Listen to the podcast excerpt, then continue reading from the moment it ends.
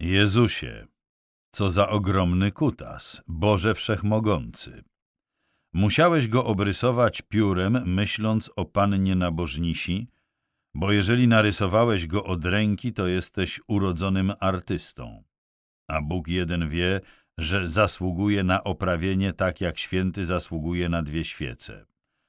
Szkoda, że nie można go pokazać publice, żeby każdy mógł go wypróbować i ta dama, do której pasuje najbardziej, mogła go sobie zatrzymać. A cóż lepiej portretować niż trzepanego kapucyna, skoro nikt nie zaprzeczy, że bez niego cały świat by się skończył. Domalowałem właśnie szaty i krzyż z drogich kamieni na portrecie krowy i jeszcze dzisiaj zabrałem się za twój. Ktoś się musiał uśmiać, czytając mój ostatni list. Szkoda, że cię tu nie ma, ależ byśmy sobie pogadali. A tak, możesz spać spokojnie, nie niepokojony rozmową, bo u mnie ostatnio mało gadania, co mnie przygnębia, bo wolę twoje towarzystwo niż umiarkowane przyjemności pakowania fiuta w gniazdka dla ptaka co tu dużo gadać. Kij ci w oko. Twój Franek lubi cię aż za bardzo. Mój Martinie, w twoich listach mam oparcie. I gdyby nie obowiązki malarskie, pojechałbym prosto do ciebie. Bo uczucie, które dla ciebie żywie, jest takie, że nie umiem myśleć o nikim innym i czuję, że już zawsze powinniśmy być razem i polować, i pić czekoladę, i przepuścić wspólnie, radośnie, dwadzieścia trzy reale, które mam przy sobie i byłaby to najwspanialsza rzecz na świecie. Ale w jakich zmienilibyśmy się próżniaków? Ale w rzeczywistości wszystko, co możemy zrobić w tym świecie, to pragnąć. I kiedy piszesz do mnie w ten sposób, przez wiele godzin jestem poruszony. Mówię do siebie, jakbym rozmawiał z tobą. Aż wreszcie widzę, że być może zostałem zwiedziony i los jest przeciwko temu. Sądzę też, że dwadzieścia trzy reale nie starczyłyby na te szlachetne zamierzenia. Drogi Martinie, cieszę się, że sobie folgujesz. I tego właśnie pragnę, jak wiesz, i nic więcej mówić nie muszę. Bo znakomicie rozumiesz. I to, i wiele więcej. Więc nie trzeba nic dopowiadać. Jakżebym chciał zobaczyć jedno z twoich pól, które już się pewnie zazieleniły. Obyśmy się z woli Boga spotkali. Z Bogiem, twój wierny przyjaciel Francisco de Goya Ile werwy w twoim ostatnim liście. Widać, że wszystko to wymyślasz na poczekaniu, tak jak ja w mojej malarskiej wyobraźni. Pisz mi tak dalej. Przyślij mi rachunek za moją siostrę, stary diable, bo tyle już na niego czekam, że gdybym nie wiedział, że się pogniewasz, to już bym ci zwrócił to wszystko, co wzięła od ciebie, odkąd zacząłeś jej przekazywać pieniądze. I nie byłbym ci już nic winny. A to by mnie uszczęśliwiło, bo kiedy o tym myślę, to nie mogę się uspokoić. I wpadam w taki zły humor, który mija dopiero, kiedy obsłużę ręką rozporek. Śmiejesz się? Ha! Zrób to sam. Zrób, a od razu poczujesz, ile przynosi pożytku. Musisz to zrobić, bo teraz właśnie mamy porę złych myśli, mowy i uczynków. Przynajmniej wedle mojej ciotki Lorenty, która mnie tych rzeczy nauczyła. Przyznać muszę, że z początku byłem przerażony i zmieszany. Ale teraz? Cóż, Teraz nie lękam się wiedźm, gnomów, duchów, złoczyńców, gigantów, łajdaków i trupożerców, etc., ani żadnego ciała prócz ludzkiego. A twoje jest tym, które twój Goja kocha najbardziej. I ofiarowuje ci wszystko z radością, z jaką przyjaciel musi dawać przyjacielowi. I chłoptasiu, i ty, i ja wiemy, że jesteśmy podobni we wszystkim. I Bóg uczynił nas innymi od pozostałych, za co powinniśmy składać dzięki Jemu, dla którego wszystko jest możliwe. Z Bogiem, drogi przyjacielu, którego pragnę przytulić. Twój przyjaciel, grubasek Franek. Gdybym nie dowiedział się przypadkiem, że jesteś, panie, niemalże już w drodze do Madrytu, napisałbym do wielmożnego pana z należnym szacunkiem i elegancją. Ale skoro stracę do ciebie szacunek, kiedy tylko przyjedziesz, czemu nie zacząć już teraz?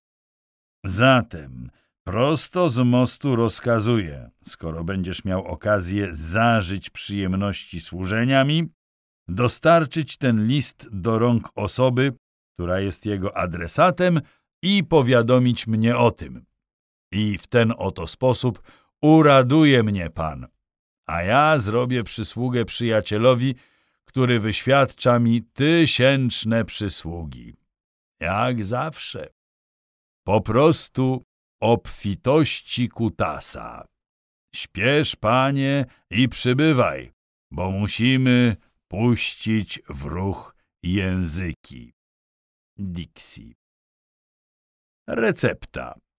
Fiut łoniaki dupa. Owieczki w karamanchel. Farlet, studenckie peleryny, aż tu nagle kapłon. Rzeczywiście, powiedziałem, to listy ojca, jego pismo. Zawsze stawiał krzyżyk na początku, takich uczono w szkole świętego Antoniego. Stryj też, a pewnie, że jego, kogo innego. Człowieczek dostawił sobie do stołu krzesło, usiadł na nim i, i teraz cała jego ruchliwość, która wcześniej znajdowała ujście jeszcze w szuraniu stopami, podskakiwaniu, przenoszeniu ciężaru z jednej nogi na drugą, dreptaniu, ograniczyć się musiała tylko do górnej połowy ciała, co sprawiło, że gestykulował jeszcze gwałtowniej, szybkimi, urywanymi ruchami. Stryj to samo, te same krzyżyki. O, tu niech pan spojrzy. Mój łajdaku, tu cyganie mego serca i tam cały twój Juanito od godów albo od błękitnych balkonów.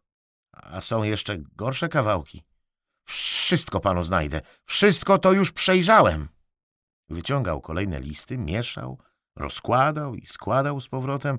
Końcem palca uderzał w kartki, aż odzywało się drewno stołu. Zapytałem go, co myśli z tym zrobić.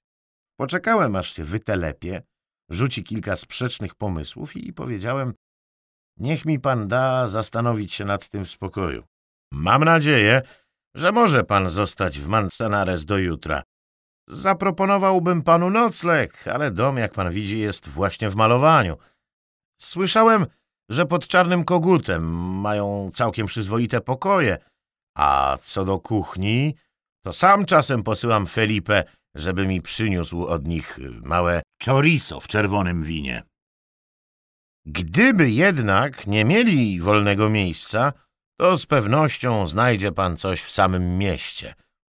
I odprowadziłem go, podrygującego, do korytarza, a stamtąd, popychając nieco powolnymi ruchami ramion, pokierowałem nim do drzwi, tak jak kieruje się roztrzepotanym motylem, bijącym skrzydłami o szyby uchylonego okna. Listy leżały na kuchennym stole, jak je zostawiliśmy. Bez ładu i składu, jedne na drugich, wokół talerza, szklanki, flaszki po winie w plecionym koszyku, półmiska z resztką kury. Zebrałem je starannie, kazałem Felipowi sprzątnąć ze stołu, a sam, trzymając w ręku plik papierów, poszedłem do sali na piętrze i odszukałem sekreterę ojca. Żeby do niej dotrzeć, musiałem ściągnąć na ziemię wielką szmatę, Potem odsunąć ze cztery krzesła i mały stolik. Wreszcie przystawiłem sobie jedno z krzeseł i usiadłem za odkładanym blatem. Rzuciłem listy na poplamiony marokin i zacząłem układać kolejno, jeden za drugim. Prawie wszystkie opatrzone datami. Pisane prędko, bez przecinków raczej, kropki stawiane niechętnie, jakby każde zdanie miało być ostatnim i trzeba w nim było zawrzeć wszystko. Wiadomość o śmierci dziecka, o kupnie nowego powozu, o tym, kto ustrzelił ile zajęcy i ile kuropatw, o zamówieniach i zamawiających, narzekania na starość i prośba o przysłanie buszla mąki kukurydzianej, plotka o tym, co Bayeux usłyszał od infantów o swoim obrazie, a przede wszystkim pieniądze, inwestycje, pożyczki, ceny. Trzynaście reali cła za bukłak, czternaście za gorset, który moja matka szyła dla ciotki Sapatera, jedenaście za przesyłkę, dziesięć dublonów za parę mułów, sto jedenaście reali pożyczki, dwadzieścia dziewięć za buszel jęczmienia. Ale tylko ślepiec mógłby nie widzieć tego, co dzieje się między słowami, a nawet i w samych słowach, całkowicie jasno i przejrzyście, w pełnym świetle, bez ogródek. Nawet jeśli nie wiedziałem, czemu nazywał siebie panną nabożnisią, albo o co chodziło z kapłonem. Czyżby choroba szkodziła mu nie tylko na słuch? Co robili Farlete i Carmancel? Co miały z tym wspólnego owieczki? Skąd nagle błękitne balkony? I skąd wziął cygana serca człowiek, który nigdy nie czytał wierszy? Ale widziałem, że mieli swój sekretny, czuły język, w którym chodzi o to, by nikt obcy, spoza tego świata, w którym łączą się polowania, ogary, pieprzne dowcipy, głośne pierdzenie, fałdy tłuszczu, szorstkie włosy, spotkania otworów i wypustek ciała, by nikt obcy, kto po ich śmierci położy łapę na tych niespalonych listach, nie wiedział, o co chodziło z kapłonem i farletę i ze studenckimi pelerynami, skąd wzięły się czułe słowa, które prowadzą do jakiegoś tylko im znanego wieczoru, pijackiego żartu, dziwnego zdarzenia w podróży? Studenckimi pelerynami? Zatem już wtedy to się zaczęło? Ile miał wtedy lat? Pierwszy list? Niecałe trzydzieści, na dziesięć lat przed moim narodzeniem. Wyjechał już z Saragossy, wrócił z Włoch, poślubił mamę, a to między nimi to obmacywanie pod studenckimi pelerynami trwało. I trwało tak przez ponad ćwierć wieku. Zupełnie jakby całe jego życie było miedziorytem. To, co widzieliśmy czarno na białym, miało swój lustrzany odpowiednik. Niemal całkowicie czarny, z cienkimi kreseczkami bieli. A nawet, gdyby nie wierzyć słowom, były jeszcze rysunki. Między wersami na marginesach wokół podpisów balwierska miska, ogar, fuzja i myśliwska sakwa, z której wystają zajęcze łapki, wąż, chleb, ser i butelki rozłożone na kocu, ale przede wszystkim ciała. Czasem ciała mężczyzn i kobiet, ale częściej samych mężczyzn, zwinięte w obrzydliwych pozach, parzące się jak zwierzęta. W niektórych mogłem go rozpoznać. Bokobrody, bujne włosy przedzielone na środku, czasem krótsze, czasem dłuższe. Widziałem, jak się starzeje, jak jego rysowane ciało staje się coraz bardziej obwisłe i szerokie, coraz bardziej podobne do spasionych starych borsuków, wilków, niedźwiedzi. Poznawałem też tamtego, z dużym orlim nosem i grubymi brwiami. I jego przemiany. Przypomniały mi się bazgroły z Bordeaux, jurny byk ze skrzydłami motylka. Czy kiedyś bym pomyślał, że narysował tam samego siebie?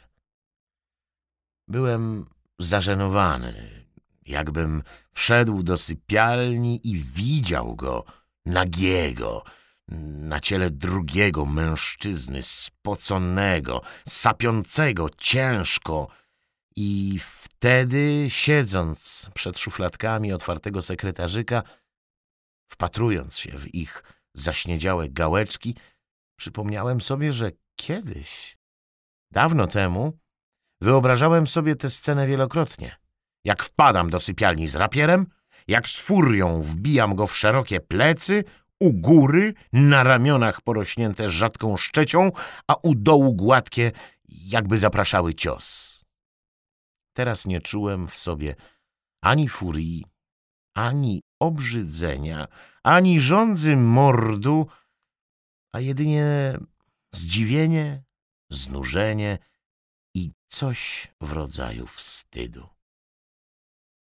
Jak wtedy, kiedy Gumersinda powiedziała mi, że jego ostatnie słowa brzmiały Martin, kochany, idę. Przedwczoraj pokojówka obudziła mamę późnym wieczorem. Przyprowadziła Felipe, który przyjechał dopiero co z Quinta del Sordo. Nalegał, że sprawa jest niebywale pilna i pan będzie bardzo zły, jeśli przyjedzie z pustymi rękami. Ojciec kazał wyciągnąć wszystkie papiery po dziadku, zwłaszcza te najbardziej ukryte, cokolwiek się znajdzie na dnie szuflady, a już szczególnie listy. Posłano też po mnie. Na szczęście jeszcze nie spałem, bo przedłużyło nam się muzykowanie. Przyszły nowe nuty, tym razem z Wiednia. I cały wieczór próbowaliśmy z Concepcion nowej sonaty, a potem siedliśmy do Wista i Faraona. Więc pojechałem do domu dziadków i spędziłem dobre dwie godziny na przetrząsaniu szafek, półek i rozmaitych szuflad w poszukiwaniu wszystkiego, o co mogło chodzić ojcu. Poszedłem spać w środku nocy zakurzony, wymęczony. Dopiero rano, czy należałoby raczej powiedzieć w południe, zadałem samemu sobie pytanie, po co? Po co z nienacka, w popłochu, przenosić dokumenty sprzed trzydziestu czy czterdziestu lat? Ale wtedy w środku nocy za całą odpowiedź wystarczał mi przerażony wzrok Felipe, który co chwilę powtarzał Pan czeka, pan będzie bardzo zły. Z wiekiem trzeba się chyba przyzwyczaić do dziwactw cudzej starości. Tym łatwiej będzie się przyzwyczaić potem do dziwactw własnej. Ten obraz musiał gdzieś tu być. I był. Przywieziony z wieloma innymi na ślub Mariano, zabrany z Madrytu zupełnie przypadkiem, bo przecież nikomu nie przyszłoby do głowy, żeby powiesić go w pokojach, przez które będą przechodzili weselni goście. Pamiętam, jak ukrywał go przede mną, tak żebym nie zobaczył, czym zajmują się te małe figurki i pamiętam, że namalował go w dwóch takich samych wersjach, co nigdy prawie mu się nie zdarzało. Nie jestem pewien, na ile jedna była wiernym odbiciem drugiej – ale wiem, że stały obok siebie na dwóch sztalugach, a on pieklił się, że kopiowanie jest dla głupich panienek, nie dla prawdziwych malarzy.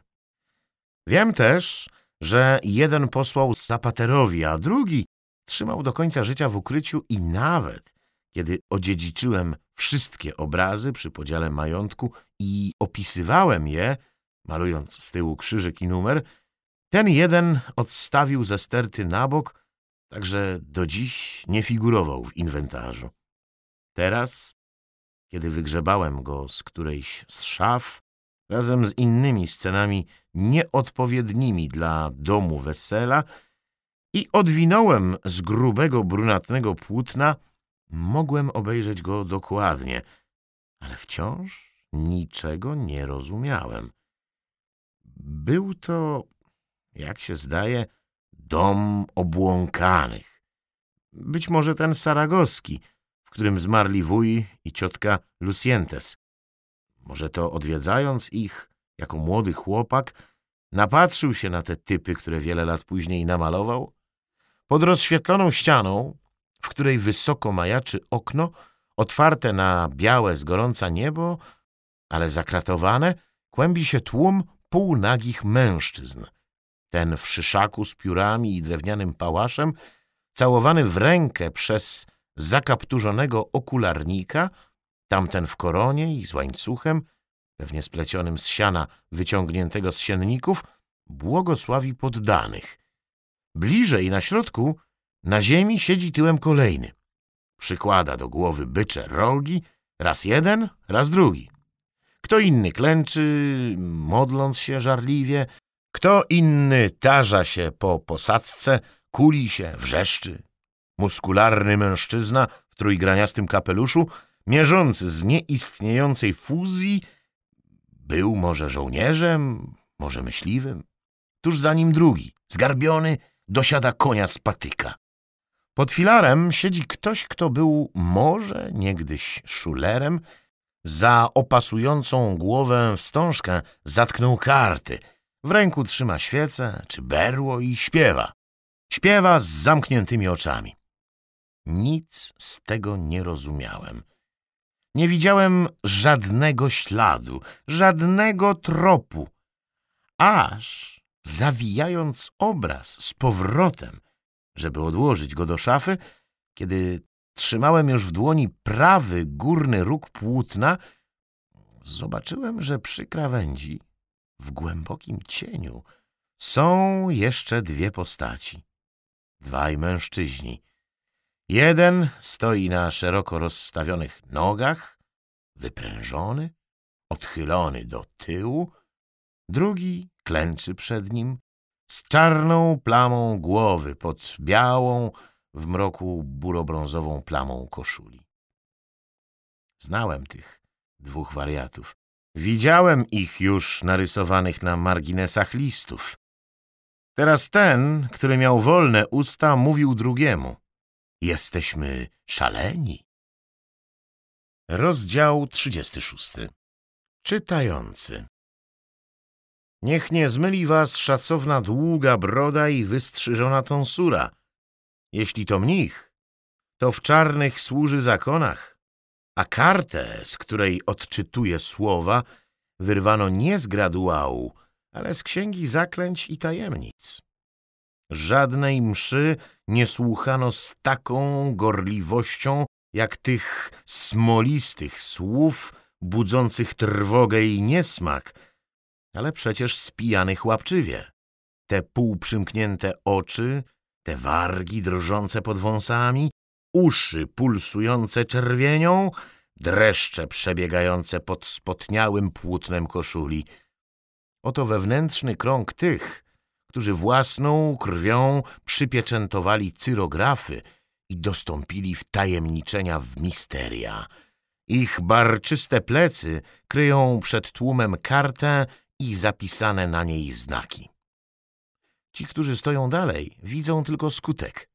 Długie, skręcone rogi, wyrastające z czaszki maga w białej szacie, objawienie mocy, widomy znak, że pod powierzchnią czają się siły i plugastwa, do których dostęp mają nieliczni.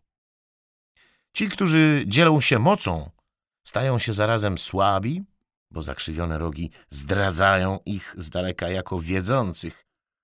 Ale na pomoc przychodzi im malarz, który, jeśli nawet nie należy do sekretnego bractwa, nie chce wyjawiać ich tajemnicy. Raz, dwa zamalowuje wielkie rogi bielą, potem brunatnym cieniem, a tam, gdzie wyrastały prosto z obrzmiałej czaszki, Dodaje głowę brodacza wznoszącego oczy ku niebu w niemej modlitwie. Któż się spostrzeże?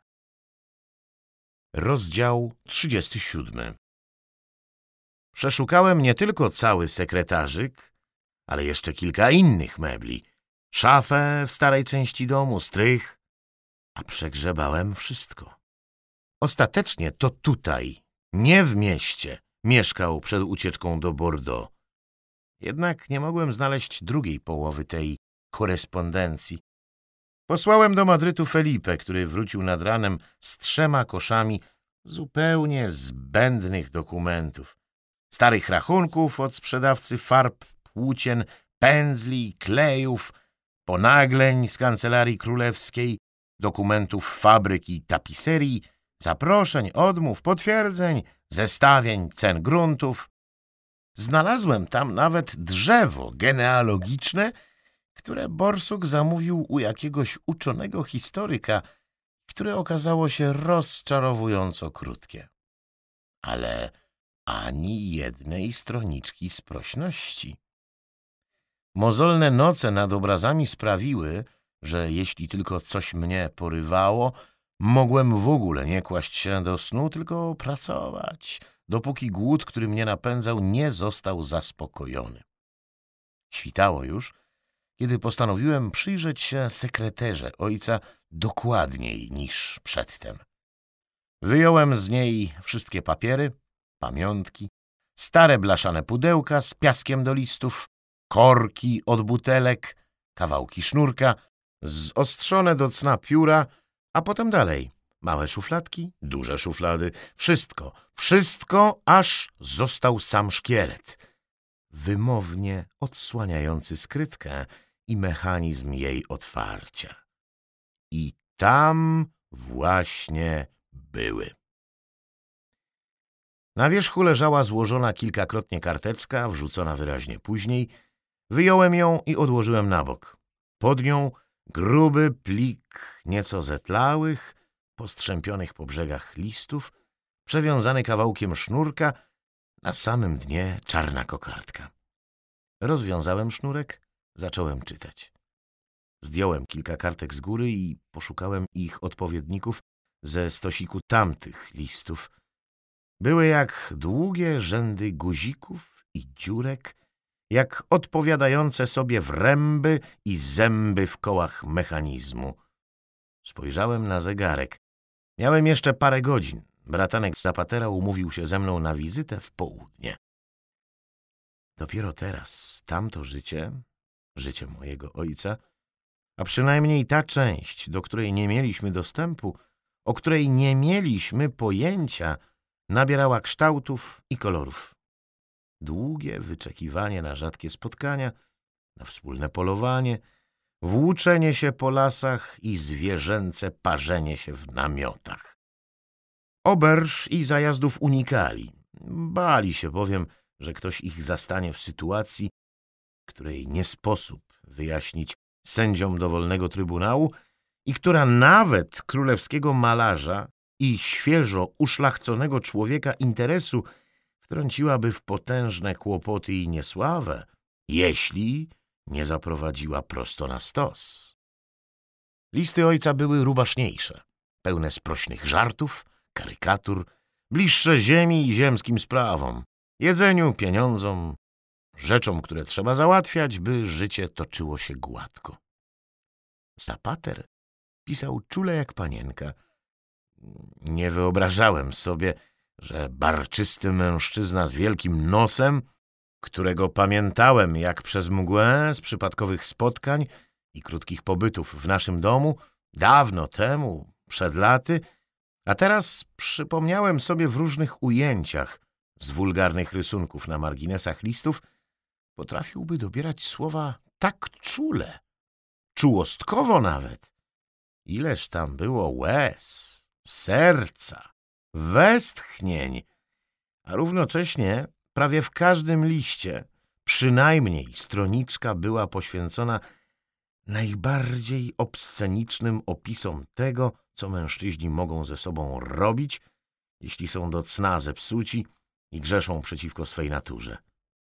Jeżeli człowiek o tak chłodnej duszy jak ja miałby uwierzyć w szatana, to chyba tylko po lekturze takiego listu, gdzie po najczulszych wyrazach i subtelnych lamentach pojawia się kawałek o ostrym jechaniu po mojej szorstkiej dupie, czy wylizywaniu twojego gniazdka, kiedy ty bierzesz moją pałkę z jej dwoma łysymi kolegami, aż do końca ile wlezie w gardło. Przenosiłem wzrok na drugą stronę blatu gdzie ojciec w tydzień później, przeczytawszy to wszystko, odpisywał o jakiejś zaległej pożyczce i cenie pary dobrych mułów w Madrycie. Nie wiedziałem, jak w ogóle to pojąć. Nie znajdowałem w sobie słów ani myśli, które pozwoliłyby mi się pogodzić z tym potokiem łajna i niezdrowej, budzącej wymioty słodyczy, którą jeden starzejący się mężczyzna posyłał drugiemu w imię jakichś dawno minionych szkolnych macanek, których przez swoją słabą wolę nie umieli się wyrzec. I te lata, tyle lat, obok dwudziestokrotnego zapłodnienia własnej żony, i Bóg jeden raczy wiedzieć zapłodnienia ilu innych brzuchów, obok niezliczonych romansów, chodzenia do burdeli, dobierania się do wziętych z tawern modelek, zasłaniania świętych obrazów w pracowni, to osobne życie, przesiąknięte najbardziej odrażającym z grzechów. Może i był głuchy, ale czy my nasłuchiwaliśmy dość uważnie? Nie przeczytałem wszystkiego. List pełen czułości i westchnień, na środku którego widniał wielki, jasny, niezapisany kształt, obrysowany dokładnie piórem, zrobił swoje. Zresztą za chwilę miał się zjawić młody zapater. Zebrałem szybko listy, przewiązałem i wrzuciłem do skrytki, a potem wziąłem się do wstawiania na właściwe miejsca kolejnych szuflad i szufladek. Ten pan, co wczoraj do pana, powiedział Felipe, stając w progu. Odpowiedziałem, że ma go zaprowadzić do ogrodu i posadzić pod drzewem na kamiennej ławce. Niech czeka. Zaraz będę. I jak? zapytał człowieczek, kiedy zszedłem do ogrodu. Znalazł pan? Po czym przyskoczył do mnie. Nie siedział oczywiście na ławce. Chodził, dreptał, podskakiwał, co jakiś czas otulając się ciaśniej opończą, bo tego dnia wiał zimny wiatr od strony miasta. Powiedziałem, że niczego nie znalazłem, a z listami ojca niech zrobi co chce. W końcu to on je odziedziczył. Mnie są niepotrzebne, co zaś do bzdur zawartych w niektórych zapiskach, to każdy wie, że Francisco Goya cierpiał na ciężką chorobę, która pozbawiła go całkowicie słuchu, a częściowo również zmysłów i bywało, że nawet w listach zdarzało mu się pisać najgorsze głupoty, które dyktowały mu przelotne napady obłędu. Nie wiem, co chciał mi odpowiedzieć, bo tak go zamurowało, że zniknąłem, zanim zdążył się odezwać. Poszedłem do pokoju i usiłowałem zabrać się znów do pracy, ale wiedziałem, że dopóki nie zamknę i nie okryję sekretery, bałagan nie da mi malować. Na odkładanym blacie leżały już tylko strzępki, które wcześniej mieszkały w skrytce. Czarna kokardka i pusta, złożona kilkakrotnie kartka. Rozwinąłem ją. Ze środka wypadł kosmyk ciemnych włosów z pasmami siwizny. Żałosny sentymentalizm starego pryka. Ciekawe, czy kokardkę też podprowadził swojemu przydupasowi na wieczną pamiątkę. nie, przecież to jedna ze wstążek księżnej z jej czarnego portretu. Wtedy zobaczyłem, że na kartce, w środku, jak w otwartej dłoni, tam gdzie leżał zawinięty kosmyk, są dwa krótkie wyrazy napisane odręcznie przez ojca. La Pepa. Rzuciłem się na łóżko, jak stałem. W ubraniu. I w ubraniu wstałem. Nie wiem nawet po ilu godzinach. W każdym razie było już ciemno, mając w oczach ten obraz jak kiedyś, przed laty. Kolosa. W najmniejszych szczegółach i nie wypłukawszy nawet ust, poszedłem równym krokiem do sali na parterze. Stanąłem przed głupawą scenką z tańczącym wieśniakiem. Zapaliłem świecę, dostawiłem drabinę, rozmieszałem farby. Każda plama bieli i każde szerokie pasmo czerni kładło się dokładnie w tych miejscach, w których chciałem, zakrywając góry, uniesione nogi i ręce, kawały nieba, trawę, całą tę niebiesko-zieloną, bzdurną idyllę, w której mężczyzna nie niszczy, nie pożera, nie gwałci, nie tłamsi, ale podskakuje z uśmiechem na prostackiej gębie. Subtelności płócieni zostawiałem sobie na później. Na razie czerpałem szerokimi pędzlami z dwóch kubłów i rzucałem grube warstwy blasku i ciemności. Przedwieczny mrok, z którego wydobyte snopem ostrego światła wychodzi głodne ciało. Rozdział 38 Saturn Cóż większego na świecie niż twoje apetyty? Zjadłeś już sześcioro i pożerasz siódme. Co jakiś czas przerywasz rzucie. W niekończących się ciemnościach długo jeszcze odbija się echo chrzęszczących kości przedramienia, paliczków grzechoczących w ogromnej pieczarze pod twoim podniebieniem, śliny i krwi przelewających się całymi wiadrami po ruchliwym języku. Spluwasz, głośno bekasz i rugasz bezgłowe ciało, które ściskasz muskularnymi paluchami tak mocno, że kłykcie bieleją, a dziecięca skóra pęka i wypływa spod niej gęsta, jasna krew. Łamago, nie dojdo, nie chluju, klucho, mówisz. Nie robię, skuli dupo, pasożycie, leniu śmierdzący, impotencie, słabeuszu, mimozo, amebo, mówisz? Pomyłko, śmieciu, niedorobku, wypierdku. Harczesz i plujesz. I wgryzasz się po raz kolejny, aż po łokieć ciągniesz zębami ochłapy mięsa, ścięgna, strzępy skóry. Zobacz, jak się spasłeś. Wyglądasz jak baba. Patrz na ten twój otłuszczony babski tyłek. Dupa jak u dziewuchy. I to z tych grubszych. Bij się, wierzgaj. A ty nic. Nogi zwiesiłeś, rąk nie masz, głowy nie masz. Czym się teraz nażresz, łasuchu? Bądź mężczyzną! Bądź mężczyzną! I dygocąc cały, śliniąc się, potrząsasz mną, aż obijam się stopami o twoją wielką, stojącą pytę. Im bardziej pożerasz, tym mocniej ci stoi przeciwko całemu światu, przeciwko całej ciemności, którą będziesz tłamsił i posiadał, i ujeżdżał, i pożerał. Przelecisz wszystkie i wszystkich, bez wyjątków. Twoje nasienie jest jak krople kwasu do wytrawiania miedzianych płytek. Tam, gdzie padnie, wżera się głęboko.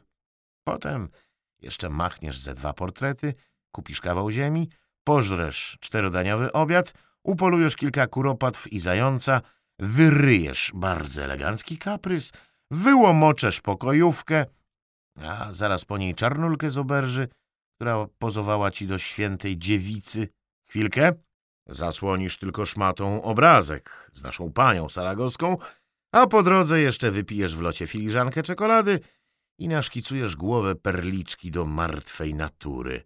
I już wracasz. Ujeżdżasz czarnulkę, odgryzasz mi drugie ramię, posyłasz kilka czułych liścików do pewnego kupca, wyrwiesz się tylko na chwilę ze swojej saturnijskiej pracowni, żeby zapłodnić żonę, po czym jeszcze po zmroku dokończysz dużą, bohaterską alegorię, pogwizdując sarsuele i zatykając za rondem kapelusza kolejne świece, w miarę jak się dopalają. Bo wszystko wokół ciebie się dopala, upływa, ściera, starzeje, a ty jeden, wytrzeszczając oczy coraz bardziej, sycisz się tym, co tylko się nawinie pod rękę. Wciąż silny i muskularny, nawet jeśli tu i tam obły, nawet jeśli twoje długie, brudne patły i zmierzwiona broda zdążyły posiwieć. Kiedy w pobliżu nie ma niczego, pożerasz dzieci. Dlatego żyjesz niemalże bez końca. A nawet kiedy wreszcie padasz i wyżygujesz nie sześcioro dzieci, ale tylko jedno, to okazuje się, że były w twoim żołądku zbyt długo, by zawładnąć piorunami i olimpijskim szczytem. Wypluwasz starego człowieczka z podwójnym podbródkiem, który budzi się w śluzie i żółci przerzuty, lecz scalony na powrót, maca się niepewnie po rękach i brzuchu i odchodzi otumaniony. Jakby nic nie było mu pisane. Rozdział 39 Malowałem może dwie godziny, może cztery, może pięć. Wciąż była noc i przez okna po obu stronach Saturna widziałem taką samą ciemność jak tę, która rozciągała się za jego plecami. Dalej była jego choroba z nożem w ręku i czarny kozioł oczarowujący młodą postulantkę i kolejne sceny oddzielone od siebie czarnymi oknami i mrokiem w otwartych drzwiach. Szedłem wokół sterty mebli, wzdłuż ścian, z kandelabrem w ręku i przyglądałem się każdemu z tych obrazów, kolejnym częściom wielkiej ciemności, która ogarnia świat, mężczyzn, kobiety, dzieci i demony, w której gnieździmy się, przez którą przedzieramy się jak krety i larwy podziemne, jak okiem sięgnąć czerń, czerń i czerń. W sali, w sieni, na schodach. To, co za dnia miało kolory, teraz było równomiernie czarne, choć w rozmaitych odcieniach. Błękitnawe tam, gdzie przez okna wpadało światło cienkiego, zaostrzonego księżyca, brązowawe tam, gdzie dochodził ciepły blask świec. Ponad czarnymi stopniami paradnych schodów czarna balustrada, wyżej czarne płótna w czarnych ramach, warte mnóstwo czarnych dublonów i jeszcze więcej czarnych realów i marawedów i na tle wysokiego okna z widokiem na czerń wielka czarna głowa na czarnym postumencie. Okrągła jak kula armatnia, twarda jak łeb byka, z rozległym czołem, które odeprze każdy cios, które przebija się przez życie, roztrącając na boki wszystko i wszystkich, z jeszcze głębszą, jeszcze bardziej smolistą czernią pod nawisem grubych łuków brwiowych, z oczami zupełnie pustymi, bo zapatrzonymi tylko w siebie, do środka. Tego mu trzeba. Tego trzeba mu było zawsze. Rozejrzeć się dookoła. Był nie tylko głuchy, ale i ślepy. Więc czas, żeby ktoś mu wreszcie otworzył oczy. Odstawiłem kandelebr. Całe szczęście, że Mariano przyoszczędził i zamiast zapłacić rzeźbiarzowi, kazał tylko pomalować gips tak, żeby wyglądał jak porządny marmur, dzięki czemu głowa jest lżejsza i może ją podnieść z postumentu nawet otłuszczony nieco pięćdziesięciolatek. Chwyciłem ją pewnie, ruszyłem z postumentu i kiedy ześlizgnęła się, przenosząc całą wagę na moje ręce, ledwo utrzymałem się na nogach. Ale mówiłem sobie, podołam. Jestem przecież przyzwyczajony.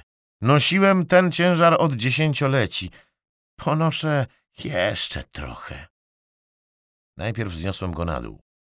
Szkoda, że nie mogłem trzymać naraz i głowy, i świec. Poruszałem się bardzo powoli, badając uważnie stopą, czy nie stanę na jakiejś porzuconej misce, patyku, czy nie zawadzę biodrem o krzesło albo klamkę, bo nie chciałem stłuc głowy. Chciałem jej jedynie pokazać całość. Teraz, kiedy się dopełniła. Ja znałem te obrazy na pamięć, ona i tak patrzyła oczami, którym światło nie było potrzebne, by cokolwiek dostrzec. Poruszaliśmy się więc w zupełnych ciemnościach i ciszy, jeśli nie liczyć chrobotu gałęzi o dachówki w drugim skrzydle domu. Obeszliśmy całą salę na parterze, Widzieliśmy złego jak szepce do ucha i pustych ludzi, którzy wierzą tylko sławie, kokotę zmienioną w żałobnicę i czarnego kozła uwodzącego młodziutką dziewczynę z mówką, chorobę i nienasyconego Saturna. Przed nim staliśmy najdłużej. Tak długo, że musiałem odstawić mój ciężar na blat komody. Chwilę wcześniej tak wyrżnąłem łokciem o jej wystający kant, że prąd poszedł mi wzdłuż ramienia, aż prawie upuściłem głowę. Zasapałem się. Ale z ciebie durna pierdoła, mówiłem do siebie. Gdzie twoja piąta klepka, co, Javier? Wszyscy pomyślą, że do cna zwariowałeś. Ale nie po to spędziłem we śnie trzydzieści lat, jeśli nie dłużej, żeby teraz zajmować się tym, co ludzie powiedzą. Czy raczej, co powiedzieliby, gdyby zobaczyli mnie tutaj, ojca, rodziny, szanowanego obywatela, który w środku nocy, w wyświnionej farbami koszuli, targa po domu kawał gipsu, udającego marmur. I w dodatku do tego gipsu udającego marmur gada. Najtrudniej było na schodach, z każdym krokiem ciężej. A jednak udało się i wdrapaliśmy się na piętro. Teraz było już jaśniej. Nie jasno, ale jaśniej. I widziałem pomiędzy procesją inkwizycji a szkarłatnym płaszczem bogini frunącej ponad polem bitwy świt wstający nad sinym Madrytem, rozświetlający przeciwległą ścianę. Ustawiłem głowę na pierwszym lepszym krześle, sam siadłem obok i patrzyłem. Patrzyliśmy obaj na tych dwóch grzęznących po kolana w gęstym błocie, jak okładają się maczugami. Dopiero teraz zauważyłem, jak są do siebie podobni. Te same grube brwi, bokobrody, krótkie poły kurtek, opiętych na szerokich plecach, byli swoimi odbiciami zwartymi w walce. Równi sobie wzrostem, różnili się tylko jednym — wiekiem. Ale ten, który był młodszy, z czasem upodobni się do starszego. Będzie mówił jego słowami i poznawał jego tajemnice, a w jego głowie, kiedy zaśnie, pojawią się dokładnie te same upiory. Nie oglądaliśmy nawet pozostałych obrazów.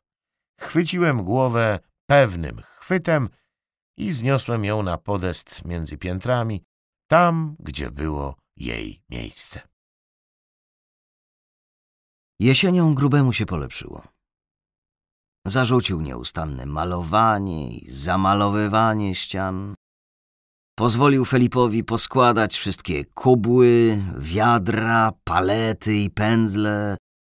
Sam zaś zajął się pilnowaniem osiłków, którzy stawiali meble na ich właściwe miejsce, a potem praczek, które zgodził, by wysprzątały salę na parterze i piętrze, także jeśli nie liczyć odrażających scen, które nadal straszą na ścianach i których nie pozwala zamalować ani nawet zakryć, dom z powrotem zaczął wyglądać normalnie. Choć Concepcion wciąż odmawia jeżdżenia tam na lato, jak dawniej, a nawet jednodniowych wypadów z koszami jedzenia i instrumentami na popołudniowy posiłek nad rzeką i wieczorne muzykowanie. Nie, żeby był zupełnie zdrowy. Zresztą, czy był zdrowy kiedykolwiek? Ale wraz z mijającym czasem muszę się bardziej zajmować moją własną rodziną i samym sobą, a nie ojcem, który ma do pomocy matkę, służbę i aż za dużo srebrnych realów. A reale mogą zrobić nawet to, z czym nie poradzi sobie ani matka, ani służba. Dla młodego mężczyzny z dobrej rodziny nastały całkiem dobre czasy. Mówi się, że królowa chce uderzyć w karlistów, konfiskując i wyprzedając kościelne ziemie. Hmm. Nic, tylko inwestować. Słyszy się też o kopalniach z czasów rzymskich, gdzie są ponoć ogromne złoża rozmaitych metali, a wiadomości o nich można, jak mówią, kupić całkiem niedrogo. No i oczywiście koleje. Drzewo genealogiczne Degojów, które Klucha znalazł w archiwum dziadka, wymaga poważnych uzupełnień.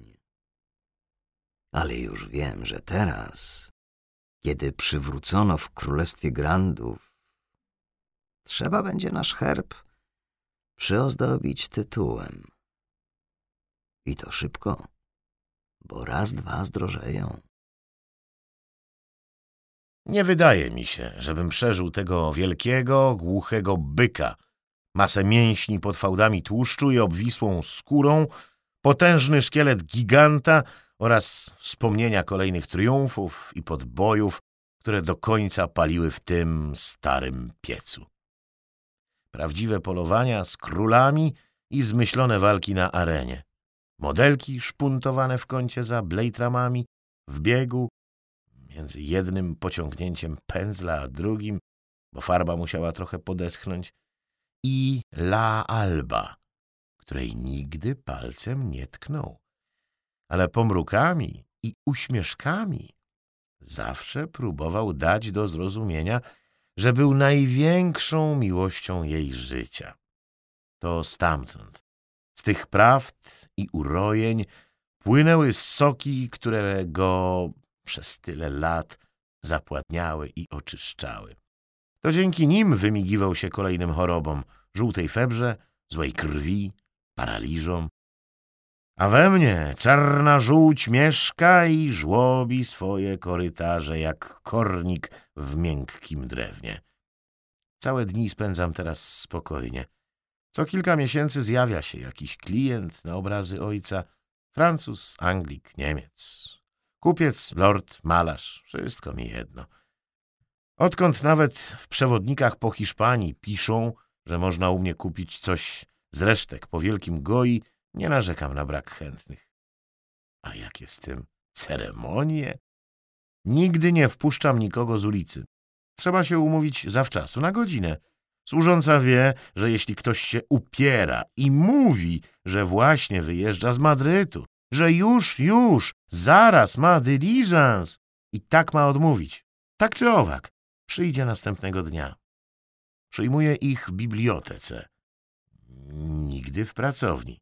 Bo niektórzy, zwłaszcza malarze, upierają się, że chcieliby zobaczyć warsztat pracy. Mowy nie ma. Pokazuje im albumy z rysunkami. Za każdym razem odmienne, bo co jakiś czas bawię się w przekładanie stron, zmienianie kolejności, rozkładanie jednych i składanie ich w inne, pokazuje obrazy i starego i innych ryciny. Smokają, zachwycają się, a potem się zaczynają targi. Nie na sprzedaż, mówię. Nie na sprzedaż, ten też nie na sprzedaż i ten nie. W końcu, otumanieni, biorą jakiś rysunek, który machnąłem z nudów tydzień wcześniej i płacą za niego krocie. Przekonani, że zrobili znakomity interes. Bo owszem, rysuję jeszcze czasem, trochę ołówkiem, trochę piórkiem. Nie maluję, nie mam na to siły ani nawet takiej potrzeby. Wszystko, co miałem namalować, namalowałem dawno temu. Na tamtych ścianach, których teraz w ogóle nie widuję. Dom stoi pusty i lubię sobie wyobrażać, jak zimą woda podsiąka pod byle jakieś ściany, staniej suszonej na słońcu cegły, jak pleśń wykwita na twarzach wiedźm, jak czarne kreski spękań mozolnie, noc za nocą, bo to nocni podróżnicy, pokonują drogę z jednego końca obrazu na drugi, jak kawałki tynku odpadają i leżą na podłodze za komodą, za sofą, czyjś palec, strzęp brunatnej chmury, Felipe dawno nie żyje.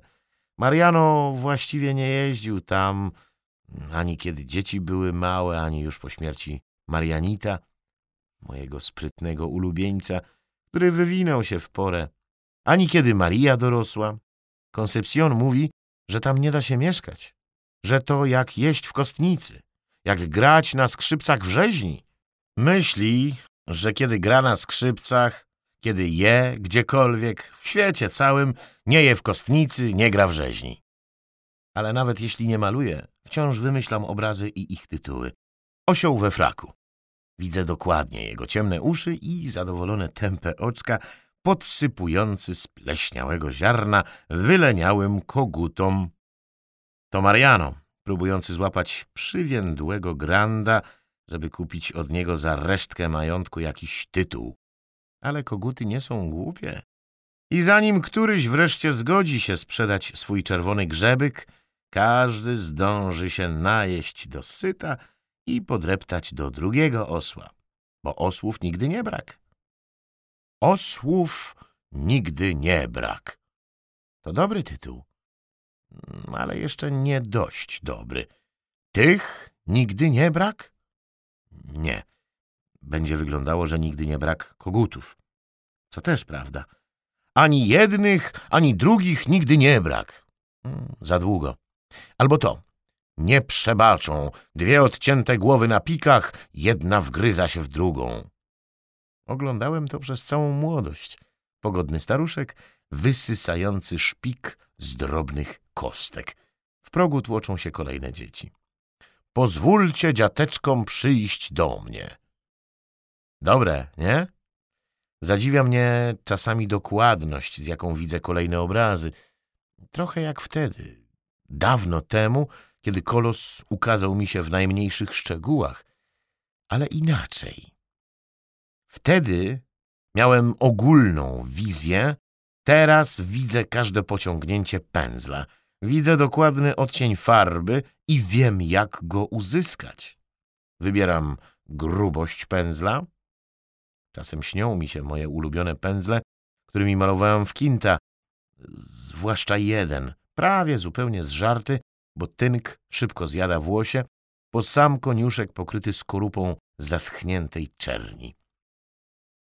Wiem, jak prowadzić dłoń przy nakładaniu bieli na spocone czoło starucha, jak dobrać cynobrowo-różowawy rumieniec, nie młodzieńczy, ale starczy właśnie.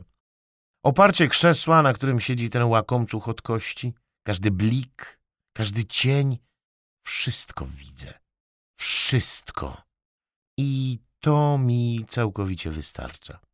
Mój syn, moja synowa, moja wnuczka są pewni, że trawię dzień na niczym, że w mojej głowie butwieją stojące wody, w których nic się nie dzieje. Ale oni nie mają pojęcia o tym, co rodzi się w głowie z kolejnych lat bezruchu, z gnijących osadów. Nie mają pojęcia o tej rosnącej sile, która napiera na śluzy i tamy i w każdej chwili może je zerwać, rozlewając się dookoła, obryzgując ściany najpotworniejszymi obrazami.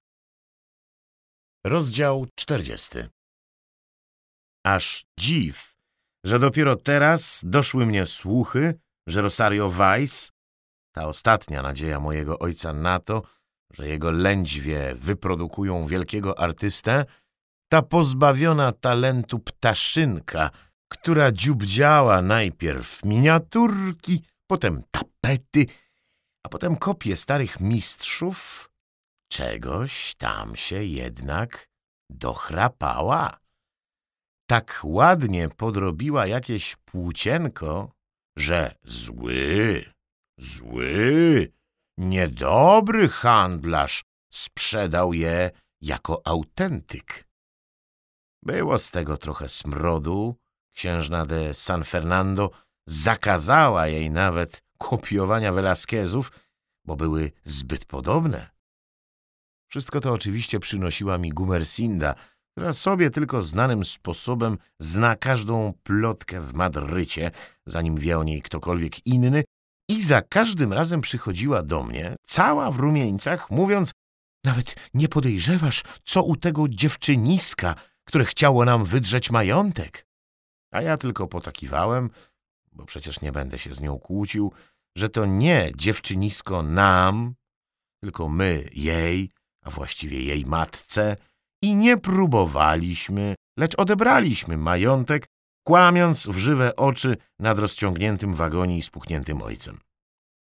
Tak czy owak, Rosario w końcu wyszła nieźle na tym swoim malowaniu, bo przyjęto ją na posadę nauczycielki rysunków pewnej brzydkiej, grubej dziewczynki, która, tak się składa, jest infantką Hiszpanii. Ale raptem, pół roku później, wyszła z pałacu prosto na jakieś uliczne zamieszki i tak się tym przejęła, że dostała straszliwego zapalenia i umarła. Od tego czasu Gumersinda nie mówiła o niej inaczej niż bidne dziewczynisko. Zresztą w ogóle mówiła o niej rzadko, bo o trupach mało kiedy powstają plotki warte powtórzenia. Jeśli jednak, myślałem sobie, ktoś miał jeszcze po tych miniaturkach i tapetach, kopiach i dziubdzianinach jakiekolwiek wątpliwości, że oto wielki talent mieszkał między nami, tylko że los był mu nieprzyjazny, to w tym momencie musiał skapitulować. Ktoś, kto dostaje straszliwego zapalenia i waporów na widok wrzeszczącego tłumu, niech zajmuje się galanterią, tapetami, uczeniem infantek i malowaniem scenek na wachlarzach. Artysta nie potrzebuje soli trzeźwiących.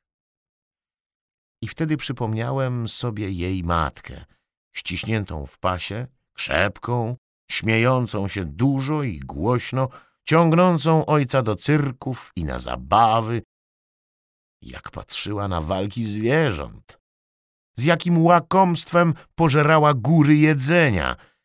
I pomyślałem, czy ta mała dziewczynka, czy biedroneczka była, jak ja, zjadana dzień po dniu, pożerana, rozszarpywana? Czy łóżko w Bordeaux było łóżkiem dwojga drapieżców, mięsożerców, dzieciojadów, którzy dobrali się jak w korcu maku, zwąchali się zwierzęcym węchem, powiedzieli sobie nawzajem — znam twój potworny sekret? Ojciec żyje jak pączek w maśle ze sprzedawania obrazów po dziadku. A jednak wiem doskonale, że bardzo uważnie szacuje, co może sprzedać, a co warto jeszcze potrzymać w pracowni, na ścianach madryckiego domu, w Quinta del Sordo. Ma w głowie pełny katalog grafik, rysunków, obrazów. Potrafi je wyceniać w jednej sekundzie, podać rok i miejsce wykonania Czasem rzucić jakąś zabawną anegdotkę o kurczaku, którego kucharka zwinęła z martwej natury i wrzuciła do garnka, albo o niecierpliwej modelce. Mam swoje podejrzenia. Wiem na przykład, że wciąż posyła syna pokojowej do sklepu Eskerry, gdzie swego czasu pędzle, farby i kleje kupował jeszcze dziadek i że Eskerra wciąż mu dostarcza kolejne paki z towarami, które jak gdyby nigdy nic znikają za drzwiami pracowni. Ze dwa miesiące temu wybrałem się do Manzanares, żeby pokazać Manuelowi, który grywa z nami tria, stary fortepian stojący w domu głuchego. Nie byłem tam przynajmniej ze dwa lata, jak nie cztery. Jeśli nawet przygłupi syn Felipa opiekuje się domem, to czas robi swoje. Dach pogubił dachówki, tynk jest cały w wielkich plamach, jak mapa obcego świata. Farba łuszczy się z drzwi i okien, a pędy pnączy powoli, acz pracowicie rozkruszają ściany. W starej części, do której zaszedłem tylko na chwilkę, może się w ogóle zawalić. Tyle rys w murach i spróchniałych belek w suficie. Wielkie schody nadal wyglądają monumentalnie, ale dom, w którym nikt nie mieszka, cały murszeje od środka. w niezauważalny sposób zmienia się w drobny pył, filcuje. Meble zbrzydły. Tapety stały się niemodne. Fortepian się rozstroił i trzeba się zdecydować, czy wzywać stroiciela tam, czy przewieźć instrument do miasta i już u nas przywracać go do stanu używalności. Koncepcjon bowiem uroiły się ostatnio koncerty na dwa fortepiany. A że miewa się ostatnio nieco gorzej, chciałbym jej zrobić drobną przyjemność. Tylko bazgroły ojca były równie brzydkie co kiedyś. Biedny Manuel, którego ojciec był stelmachem i który za wszelką cenę chce uchodzić za znawcę i człowieka wykształconego, zachwycał się dokładnie tak samo arcydziełami dziadka wiszącymi na klatce schodowej, jak i bohomazami w pokoju muzycznym. Nie dałem po sobie niczego poznać i później już w domu uśmialiśmy się z tego z Concepcion serdecznie. Dopiero nocą, kiedy leżałem w łóżku i słuchałem jej niespokojnego, ciężkiego oddechu, przewracając się z jednego boku na drugi, pomyślałem o pewnej transakcji, która mogłaby mi przynieść naprawdę niezły dochód. Zmierzcha się już i czas się przyznać. Do wszystkiego. Tak, to prawda. Moje imię, nazwisko i adres znaleźć można było w angielskich przewodnikach po Hiszpanii. I tak, było tam napisane, że chętnie pokazuje dzieła starego z wyjątkowej, prywatnej kolekcji. Napisano też, że da się mnie, po krótkich targach, namówić do sprzedania tego i owego. Ta wzmianka kosztowała mnie dwa małe rysunki, które albo dalej wiszą u tego zadufanego w sobie angielskiego nalanego pisarczyka, albo już dawno trafiły za grube gwinę do kolekcji jakiegoś równie zadufanego i równie nalanego lorda z podagrą. Tak, to prawda, uwielbiałem tych gości, ten typ gości. Czasami byli tak tępi, że kiedy wchodzili do mojego gabinetu, zaanonsowani przez służącą, trzymali jeszcze w ręku przewodnik, zakładając palcem stronę 158, na której sugerowano, że od naiwnego Javiera Goi można kupić za małe pieniądze arcydzieła. Tak, to prawda. Opracowałem tę metodę w najdrobniejszych szczegółach i zawsze się sprawdzała. Byli do siebie tak podobni, że nie mogła się nie sprawdzić. Zawsze traktowali mnie z mieszaniną udawanego szacunku i pobłażliwości, jaką cwaniacy mają wobec osób, które zamierzają za chwilę wystrychnąć na dudka. Zapewniali mnie, że przyjechali do Madrytu tylko po to, żeby zobaczyć dzieła wielkiego Goi. Mało który mówił po naszemu. Niemal zawsze towarzyszył im tłumacz, więc raz musiałem słuchać o wielkim Goi po angielsku, a drugi raz po hiszpańsku, do znudzenia. Każdy komplement, każde pochlebstwo podwójnie. A ja się krygowałem, że to już tylko resztki kolekcji, że prawie wszystko sprzedałem, że najcenniejsze rzeczy kupili wielcy panowie, w tym wielu Anglików. Jeśli był to akurat Anglik, bo trafiali się też Francuzi, a nawet dwóch Niemców. Przymawiali się i przymawiali. W końcu nie po to przyszli, żeby odejść z kwitkiem, więc w końcu, odgrywając to samo ciężkie westchnienie, prowadziłem ich do pracowni. Służącej nie wolno było tam sprzątać pod rygorem zwolnienia. Pielęgnowałem ten kurz, rozgardiasz, kubki pędzli z farbą zaschniętą na rosochatym, rozczapierzonym włosiu. Dzięki temu mieli poczucie, że wchodzą do zapomnianego sanktuarium sztuki. Patrzyli, a w ich spojrzeniu nie było już żadnego podziwu, wyłącznie pazerność. Widziałem, jak tęczówki zmieniają im się w okrągłe monety i dlatego nie miałem żadnych skrupułów. Tak, to prawda. To ja namalowałem większość obrazów tej starej purchawy, Francisca Goi i Lucientes, które teraz zdobią lordowskie rezydencje, przed którymi cmokają koneserzy i znawcy. Tak, to prawda. To ja narysowałem te rysunki, to ja spędzałem wieczory w małym pokoiku za szafą, gdzie na kawałkach starego papieru powstawały czarnowłose mache, wiedźmy, skazańcy w więzieniach, szaleńcy. To ja, nie robiąc wcale bałaganu, nie chlapiąc farbą na prawo i lewo, nie nadymając się, nie obstawiając sobie kapelusza świecami, całkowicie spokojnie, miarowo, we właściwym sobie tempie produkowałem kosztowne suweniry z Madrytu dla tych spryciarzy z przewodnikiem w ręku z palcem zaznaczającym stronę 158. Wykładałem przed nimi opruszone kurzem teki, siłowałem się z szufladą, nie otwierałem jej od pięciu lat.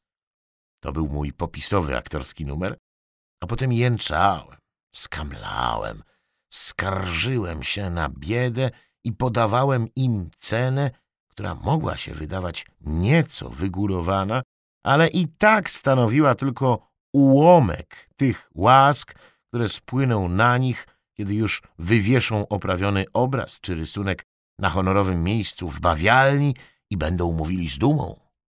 Ta niepozorna karteczka, to małe płótno, to prawdziwy posag dla mojej córki.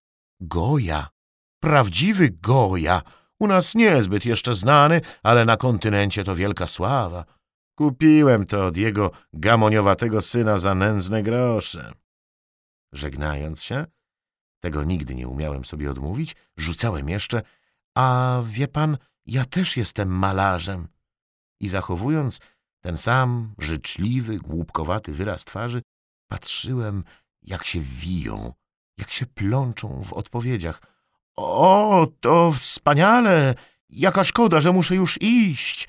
Jestem pewien, że nie ustępują dziełom pana ojca. Niestety powóz już stoi, albo mój syn też jest kupcem. Któryś, powiedział z tym swoim strasznym akcentem, to pan jest odłamek ze starego kamienia. U nas się mówi, kiwnąłem głową, że niedaleko pada jabłko od jabłoni. Ech, te stare porzekadła. Nie wiem, czemu nie chciałem o tym wcześniej powiedzieć. Ot, nie chciałem. Człowiek się robi uparty na stare lata. Wydawało mi się, że miało zostać po mnie tylko to jedno. To, czego żaden Anglik w pudermantlu z taksującymi oczami w woskowej twarzy by nie kupił. Gryzmoły z idiociałego starucha. Całe metry zmarnowanego perkaliku w różyczki, zagipsowanego, pokrytego szpetotą i ochydą, ściany przyzwoitego domu. A kiedy on był przyzwoity? Zanim stary go kupił, może. Zmienione w knajpiane bohomazy. Wydawało mi się wstydliwe, że do tamtego dodaję moją małą galerię z jednoosobowej manufakturki, w której wytwarzałem wiedźmy i machę, demony i zabite perliczki, rysunki, obrazki, ryciny, mój mały, pokątny asortymencik, kuglarskie sztuczki dla przyjezdnych. Suto zresztą opłacane. Cóż mi mogło dać pokazanie, że umiem malować jak on, skoro już wcześniej pokazałem, że umiem malować lepiej. To były tylko zabawy starego grzyba. Mniejsza już o pieniądze, ale ten moment, kiedy mówiłem im już w progu, że prawda, ja też, och, najgorsze knoty, których wstydziłbym się sprzedawać, choć z pewnością znaleźliby się chętni, nie trafiały wcale do pieca. Owijałem w papier, przewiązywałem sznurkiem i wkładałem pod komodę. Po mojej śmierci ten idiota, który po mnie wszystko dziedziczy, będzie je sprzedawał na równi z największymi arcydziełami swojego dziadka. Jestem o tym najzupełniej przekonany. I to będzie moje ostatnie zwycięstwo. Już z zagrobu. Wprawdzie to, co namalowałem w domu głuchego, rozpadnie się i zniknie bezpowrotnie, bo już łuszczy się płatkami farby i opada na podłogę z okruchami tynku. Wprawdzie nikt nie zapamięta mnie inaczej niż jak gnuśnego syna starego Goi, o którym nie bardzo wiadomo co robił, ale mój durny syn nabierze jeszcze paru durniów i zawieszą moje najgorsze knoty w pysznych rezydencjach. Ba, może i do zbiorów królewskich poślą.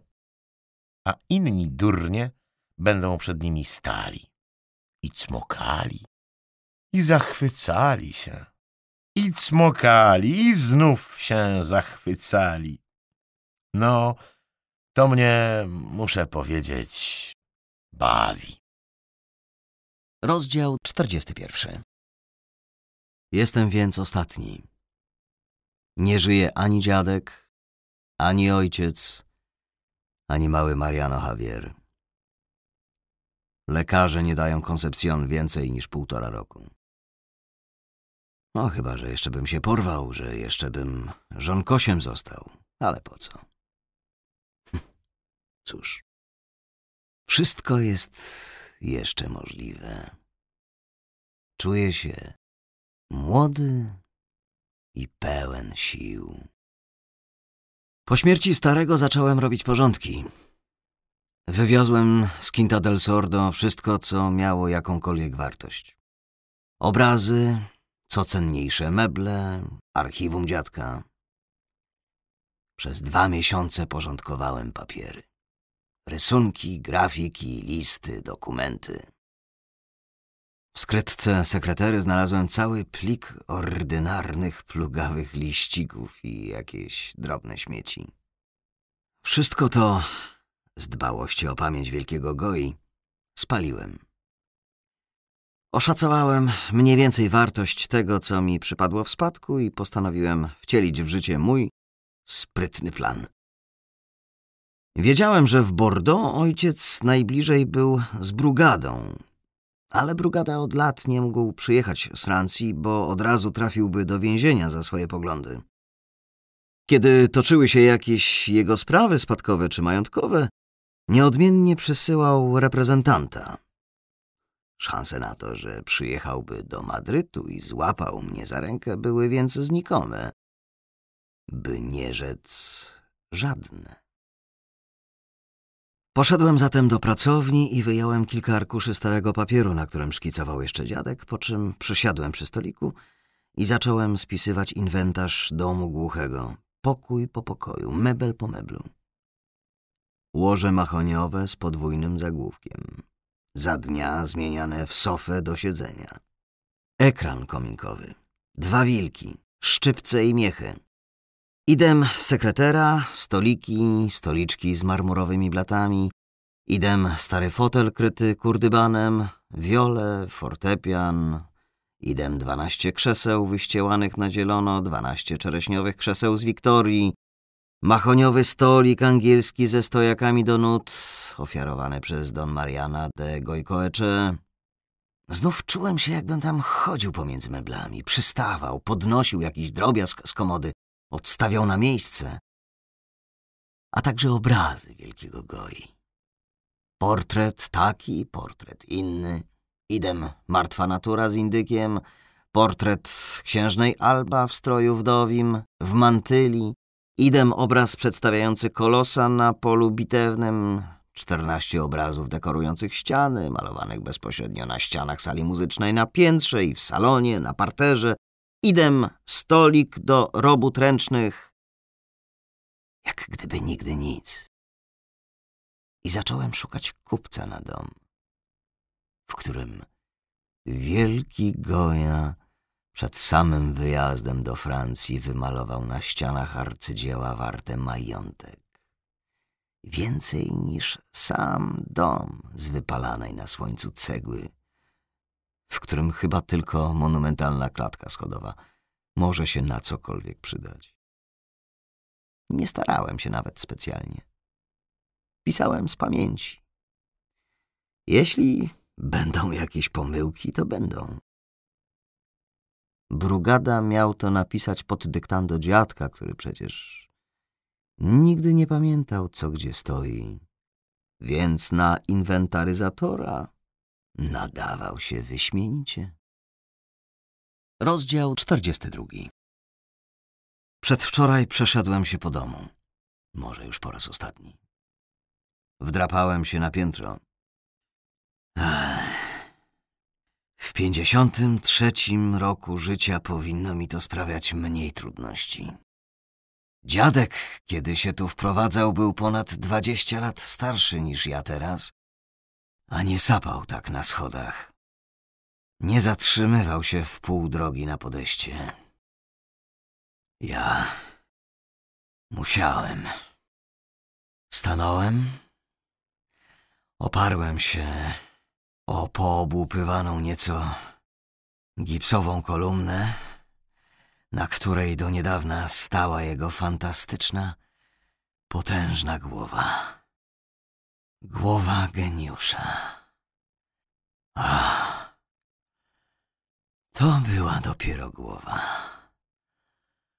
Zresztą zamówiłem ją całkiem dobrego rzeźbiarza. Nazwiska nie pamiętam. Pieniądze wtedy przychodziły mi lekko. I lekko odchodziły. Proponowałem Del Colmenaresowi, że mogę ją tutaj zostawić. W końcu to pamiątka, dom dziadka. Szczególne miejsce. Ale chyba za dużo zażądałem. Może łyknąłby haczyk, gdybym pamiętał tamto nazwisko. E, mniejsza o to. Kolumnę mu zostawiam. Niech się nią udławi. A dla głowy na razie ułożonej w skrzyni z wiórkami gdzieś się jeszcze miejsce znajdzie. Maziaje ojca wszędzie się sypią, łuszczą, odklejają. Na parterze wilgoć co zimę podchodzi od ziemi, nawet tam na wzgórzu. Te na piętrze po prostu się kruszą i rozpadają. Wystarczy łupnąć ręką i o, łup, łup na ziemię. Rozbryzgują się kawałki tynku i farby. Nie wiem, kto te bohomazy w końcu dostanie i czy je będzie hołubił, bo Colmenares raczej sobie domu nie zatrzyma, tylko puści gdzieś dalej, zdzierając ze mnie i z kolejnego kupca jak paskarz. No ale ktoś się pewnie tym zajmie. Albo zawezwie jakiegoś pacykarza, żeby po wierzchu ponaprawiał, albo każe skuć po sprawie. Chociaż jeśli Colmenares znajdzie klienta na ten dom, to przecież nie z powodu wyschniętej resztki winnicy. Przyglądałem się jej przez parę minut z okna. Kiedyś był tam przecież kwitnący ogród. Zetlałych zasłon i ścian z suszonej cegły. Już raczej tym. O, tym się zainteresuje. Tymi gryzmołami. Zwlokłem się na parter i w lewym dolnym narożniku tego obrazu ze staruchem zjadającym dziecko zobaczyłem jeszcze jeden podpis. Przeoczony, kiedy pozbywałem się reszty. Nie wiem, jak mogłem go nie zauważyć. Wyciągnąłem z kieszonki kamizelki mój stareńki scyzoryk, prezent od dziadka, prawie całkowicie wytarty ze złoceń. Jednym ruchem odłupałem skrawek z napisem Javier Goya i Baye Pintor. Na wszelki wypadek rozdusiłem go obcasem, żeby niczego nie dało się odczytać i wyszedłem. Colmenares już wspinał się na wzgórze w rozpiętym surducie. Na mój widok podniósł rękę do cylindra. Ledig House, Omi, Nowy Jork, 12 września 2009 roku. Warszawa, 17 sierpnia 2010 roku. Od autora.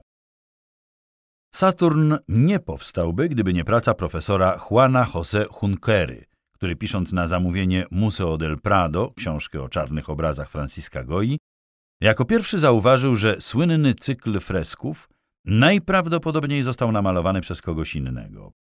Wczesne wzmianki o tych dziełach są wątpliwe.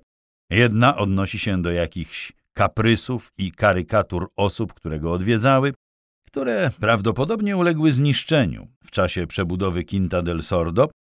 Druga zaś, słynny inwentarz Brugady, spisany rzekomo przez znajomego Goi z Bordeaux, jest, jak wykazał Hunkera, fałszerstwem. Zawiera bowiem słowa, które w ówczesnym języku hiszpańskim nie istniały i został sporządzony najpewniej w latach 60. lub 70. XIX wieku, przypuszczalnie przez Mariano Goję, który dzięki temu chciał korzystniej sprzedać walącą się willę.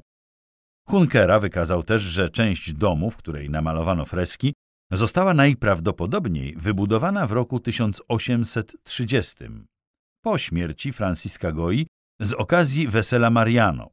Przypuszczalnym zaś autorem monumentalnego cyklu fresków był nie kto inny jak tajemniczy syn artysty, Javier, o którym prawie nic nie wiemy.